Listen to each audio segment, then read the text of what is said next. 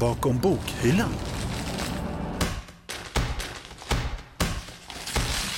Vetenskapen ska kunna byggas på och då ska den inte finnas bakom betalväggar.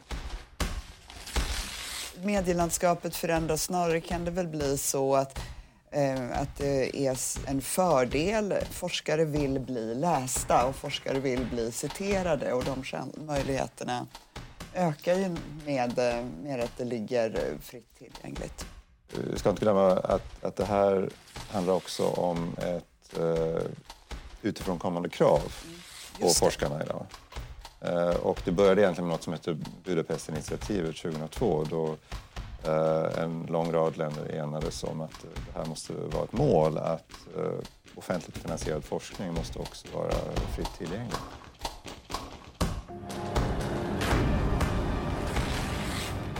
Som du kanske känner till så pågår sedan många år tillbaka en förändring inom den vetenskapliga kommunikationen eller publiceringslandskapet för världens universitet och högskolor med att öppna upp forskningsresultat och andra vetenskapliga källor som öppna tillgångar för studenter, forskare, ja alla människor att kunna ta del av. Att kunna ladda ner fullt ut alldeles gratis. På Stockholms universitet finns ett vetenskapligt förlag där forskare styr utgivningen och som bygger just på idén om öppen tillgång, open access. Och det här förlaget det heter Stockholm University Press, SUP. I år firar Stockholm University Press fem år och sedan första boken gavs ut 2015 har SUP publicerat 31 böcker och 10 stycken tidskriftsserier. Allt finns fritt tillgängligt på förlagets hemsida stockholmuniversitypress.se. Och att öppet tillgängliggöra forskningsresultat är en växande verksamhet och i det här 31 avsnittet av universitetsbibliotekets podd Bakom bokhyllan ska vi titta in och få en inblick i vad förlaget Stockholm University Press gör och vilken funktion det fyller. Vi möter Stockholms universitets vice rektor Elisabeth Våghall Nivre, frankofilforskaren Christoph Premat och de båda redaktionsrådsrepresentanterna Stefan Helgesson och Sonja Petersson. Men eh, allra först så ska vi möta vice ordförande i förlagskommittén, bibliotekschefen och tillika ansvarige utgivare för Stockholm University Press, Wilhelm Widmark som faktiskt var med och drev på en utredning redan från början år 2012 att Stockholms universitet skulle starta ett forskarstyrt vetenskapligt förlag som skulle publicera sakkunniggranskade böcker och tidskrifter med öppen tillgång. Wilhelm Widmark. Ja, från början så var det jag som drev på att den här utvecklingen skulle ske. Att fick till en utredning kring hur ska vi ha med förlagsverksamheten på Stockholms universitet. Och sen kom det ju fram till utredningen att vi skulle starta ett open access-förlag via då biblioteket som skulle administrera det. 2014 någon gång. Och min roll är ju då delvis är jag ju högst ansvarig för bibliotekets verksamhet men sen sitter jag ju också då som vice ordförande i förlagskommittén i SUP. Så min roll är, blir mycket att vara ute och representera för SUP och prata om SUP på olika ställen. Och sen också vara med och driva den strategiska utvecklingen av SUP. Om jag säger så här, är SUP ditt skötebarn? SUP tycker jag är en viktig del i det här. Vi tog ju fram att det skulle bli ett open access-förlag för det skulle kunna finnas en infrastruktur även för böcker i Sverige för att publicera böcker i open access som är eh, peer-reviewade. Så det är en viktig del att vi har den infrastrukturen. Varför är öppen vetenskap eller open access så viktig? Vetenskapen ska kunna byggas på och då ska den inte finnas bakom betalväggar. Så enkelt är det. Det är både viktigt för artiklar och för monografier och för forskningsdatat framåt också. Så att det är ju egentligen en grund för vetenskapssystemet är att man ska kunna bygga vidare på forskning. Nu kanske du tänker att det kan väl inte vara så märkvärdigt att eh, driva ett vetenskapligt förlag när författarna, alltså forskarna, redan finns på plats eller är verksamma någonstans där ute i världen. Det är väl bara att mejla in och publicera forskningsresultaten. Men eh, riktigt så enkelt är det inte. Och om vi ska räkna in samtliga personer som jobbar inom Stockholm University Press, inklusive författare, medförfattare och sakkunniggranskare, så rör det sig om, om totalt flera hundra personer. Men där själva kärnan består av 80 personer ungefär. Överst har vi förlagskommittén som består av representanter från alla fyra fakulteter på Stockholms universitet. Och de jobbar övergripande med förlagsverksamhetens struktur och bestämmelser. Och även om rektorn vid Stockholms universitet, Astrid Söderberg Widding, inte är med i förlagskommittén så ser hon till att eh, alla policyfrågor och höga beslut går rätt till. En fråga som hängt med förlagskommittén redan under förarbetet med att starta förlaget är de långa handläggningstiderna. För om Stockholm University Press ska vara ett vetenskapligt förlag som ska nå ut internationellt utan att vare sig jämföra sig med eller konkurrera med förlagsjättar som Oxford University Press så var det viktigt att SUP tog tillvara på den snabbhet som infrastrukturen på Stockholms universitet erbjuder. Det här berättar professorn i tyska och eh, sedan tre år tillbaka dekan för den humanistiska fakulteten och även vice rektor på det humanvetenskapliga området på Stockholms universitet Elisabeth Våghäll Nivre som var med i uppbyggnadsfasen och sedan aktiv i den centrala redaktionskommittén fram till 2016.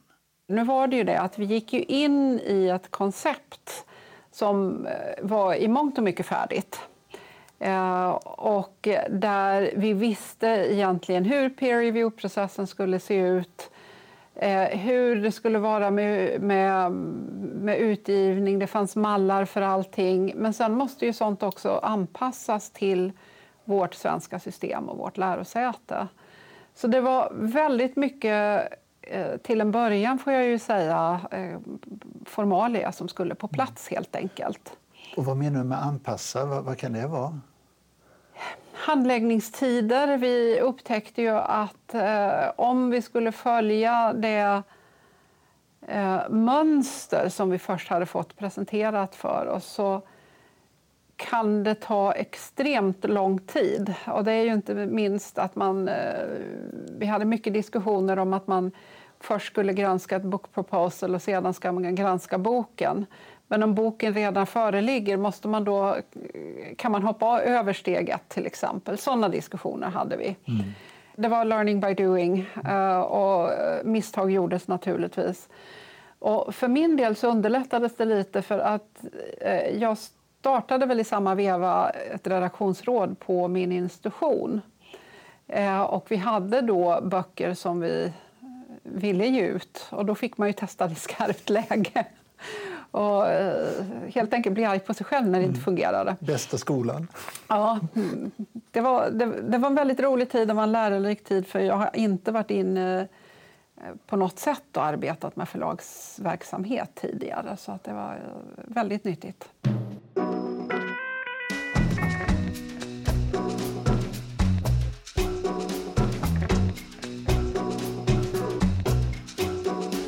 Já que não estamos aqui só a passeio, já que a vida enfim não é recreio,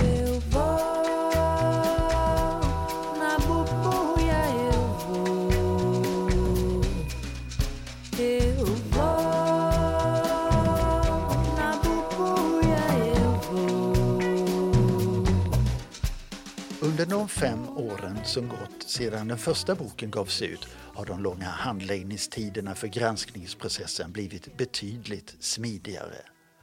Parallellt med förlagskommittén hittar vi universitetsbibliotekets förlagsteam som fungerar som själva navet för hela den administrativa verksamheten. Hit skickas publiceringsförslag som går vidare till lämpligt redaktionsråd och finns inget redaktionsråd för just det inkomna förslaget så kontaktar förlagsteamet institutionen och ber dem bilda ett redaktionsråd som kan jobba med det vetenskapliga innehållet.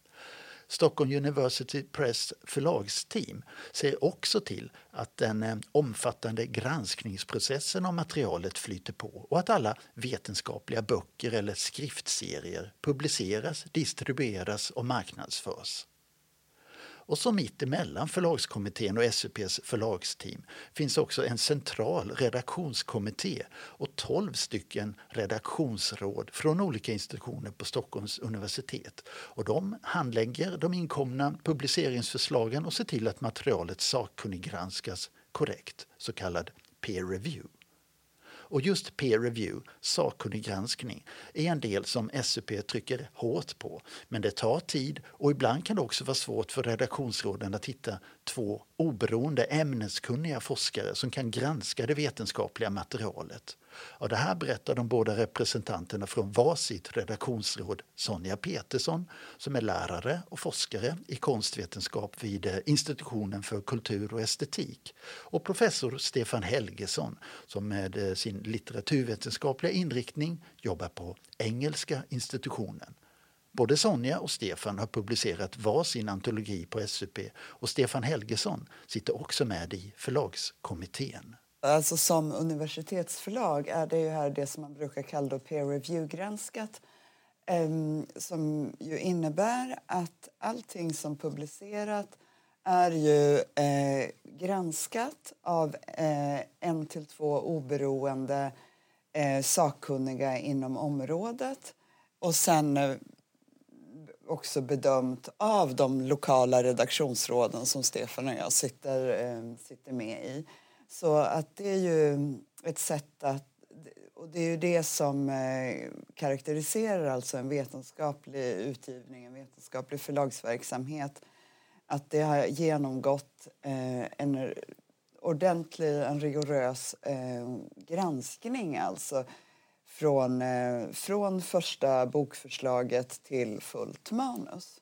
Är det svårt att hitta forskare som eh, granskar det här? Ja, det kan det vara faktiskt. Det du ska säga är ett generellt problem inom den akademiska världen. Att det här är ju eh, en typ av oavlönat arbete som ingår i eh, den akademiska professionen.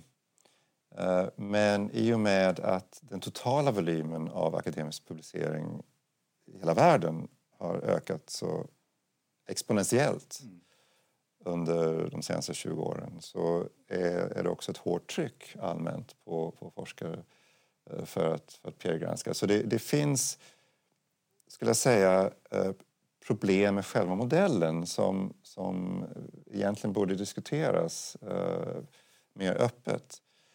Um, Just att det är oavlönat? Att det är oavlönat, att det, att det kan vara svårt att hitta folk och att det därmed också kan innebära att, att de som genomför granskningen faktiskt inte lägger ner så mycket tid på det. Så att, eh, det, här, det här är alltså ett, ett, generellt problem, det har ingenting specifikt med SUP att göra.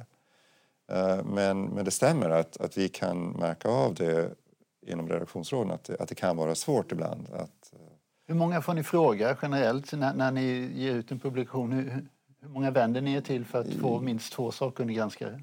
Alltså vi, vi, vi, hade ett fall med ett, ett väldigt intressant um, förslag som jag sen inte tror gick vidare. Ja, jag, jag gissar att forskaren faktiskt vände sig någon annanstans. Men, men där var det ett um, ganska ovanligt ämne uh, som krävde att vi, vi uh, frågade i alla fall en, en sex, sju kollegor innan vi faktiskt fick napp.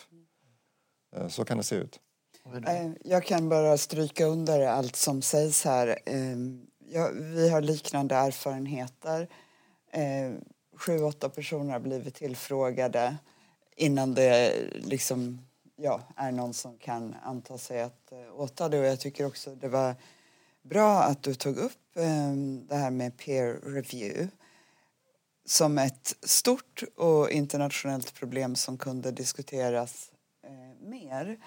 Just för att det finns flera olika modeller för det. Det kan vara dubbelblind, det kan vara halvblind, det kan organiseras på olika sätt. Men eh, inte desto mindre så mm, finns det här kravet på att eh, forskare ska göra det, ställa upp på det och utanför sina så att säga ordinarie sysslor.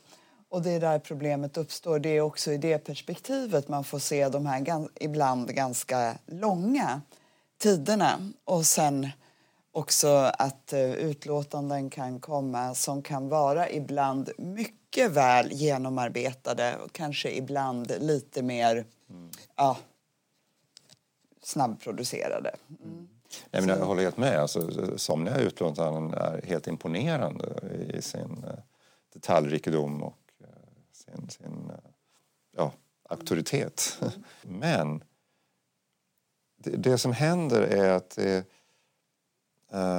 det är nästan att man, man sätter formen före innehållet. Mm. Att det finns en sorts stämpel. Att, bara det är peergranskat, då, då vet man automatiskt att det är, det är jättebra. Men jag skulle gärna se att man också jobbade mer med okej, okay, hur, hur, hur fungerar det egentligen? De här? Bakom bokhyllan. Allt utom boktips. Det finns en fördom bland forskare att, att eh, publicera sig open access i vetenskapliga böcker inte har samma liksom, dignitet Mm. Hur, hur, ser ni på det? Är, är det stämmer den fördomen? ja, hur, känner ni till fördomen för, till, för det första?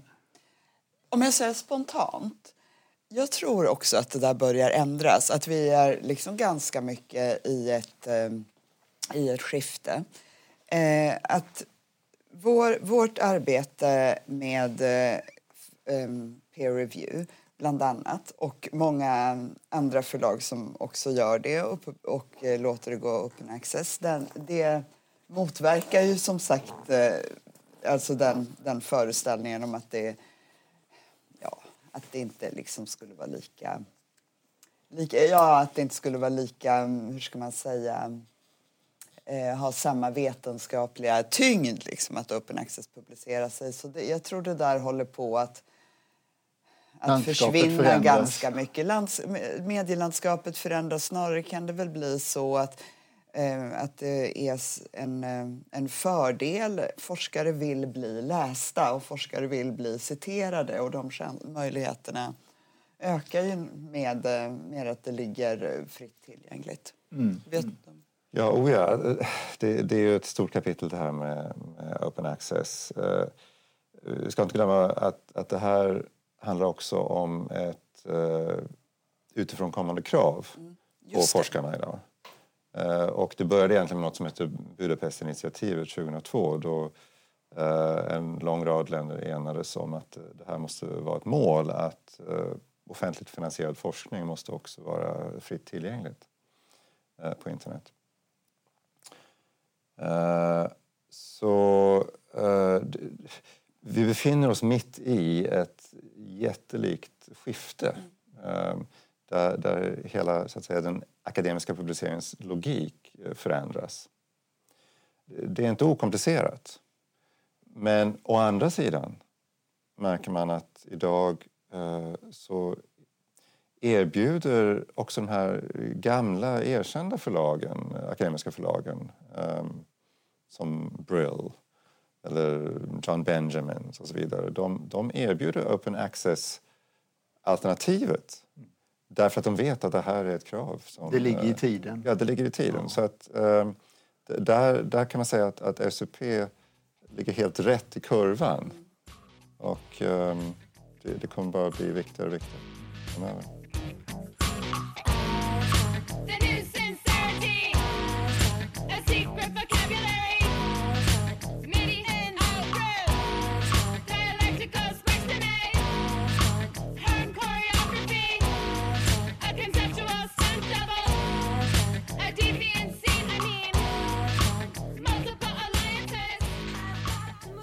Stockholm University Press kan alla forskare vända sig med publiceringsförslag över sina forskningsresultat. Alltså inte bara forskare från Stockholms universitet.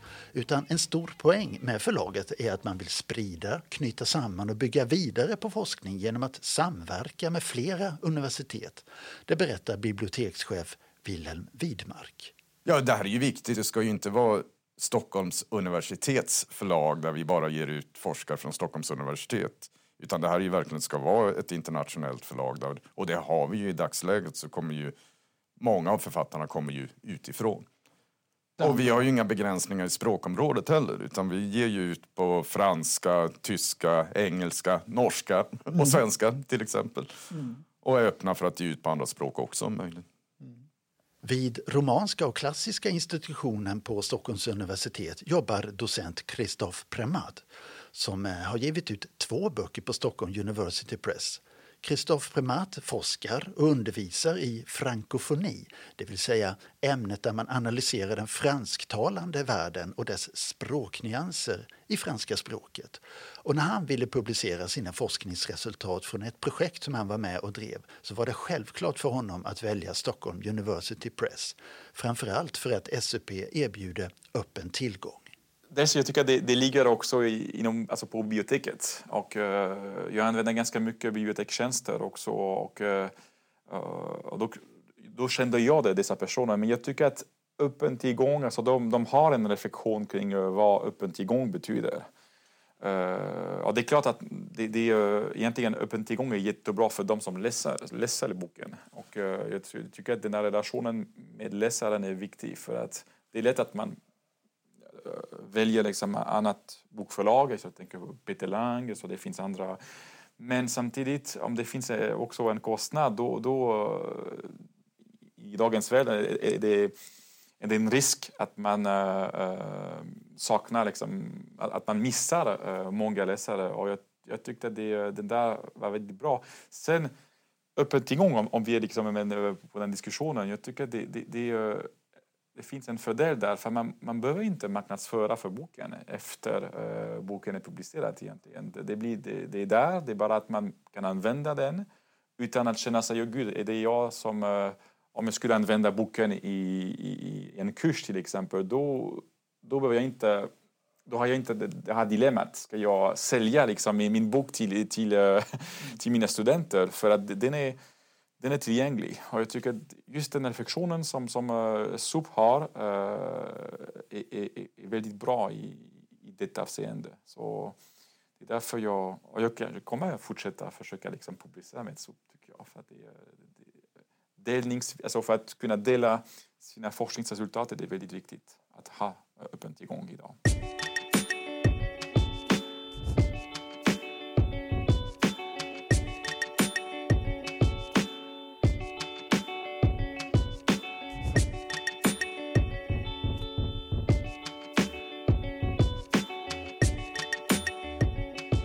Verksamheten på SUP eh, lär fortsätta, den lär växa.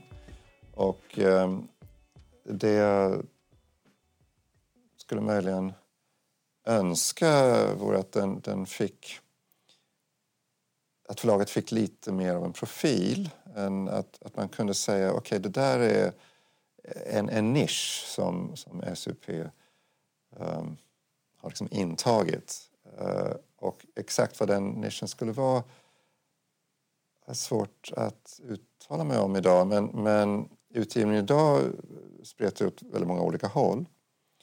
Och, och Menish menar jag nog inte i första hand eh, innehållsmässigt utan kanske i vad det är för slags böcker som ges ut. Och, och, och där tror jag väldigt mycket på det här med, med böcker för, för undervisning. Ja, jag säger detsamma. Det här kommer att växa. Eh, jag kan från eh, i vår skriftserie, vi har väl ser två titlar än så länge i den ena, fem i den andra. Det är mycket på gång. Alltså så att eh, om det har varit en eh, varje år hittills så kommer det att bli mer framöver. Så jag tror också att det här är ett växande fenomen och det ser vi ju internationellt också. Och den vetenskapliga publiceringen överhuvudtaget alltså i eh, i tidskrifter internationellt går ju mer och mer och mer mot open access och, och ibland då med parallellpublicering eh, i tryckt form. Det växer, vi får in manus hela tiden. Sen skulle vi väl behöva fler redaktionskommittéer, att flera institutioner och ämnesområden skulle intressera sig för att starta en eh, redaktionskommitté för att kunna ge ut böcker och faktiskt eh, få in manus via redaktionskommittén.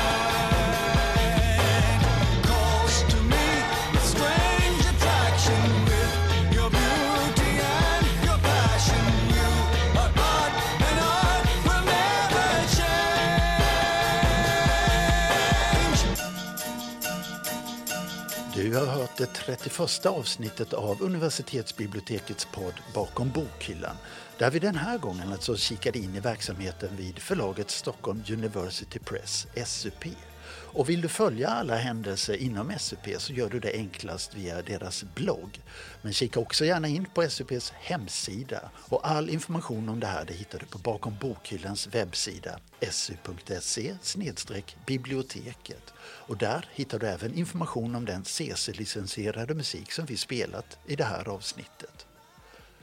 Nu här i december kommer Stockholm University Press att publicera sin 32 bok Working Class Literatures Volume 2 sammanställd av eh, redaktörerna Magnus Nilsson, hemmahörande vid Malmö universitet och John Lennon, Adeni, från eh, University of South Florida. Ja, jag heter Urban Göransson och bakom bokhyllan är tillbaka med ett nytt avsnitt om en månad igen.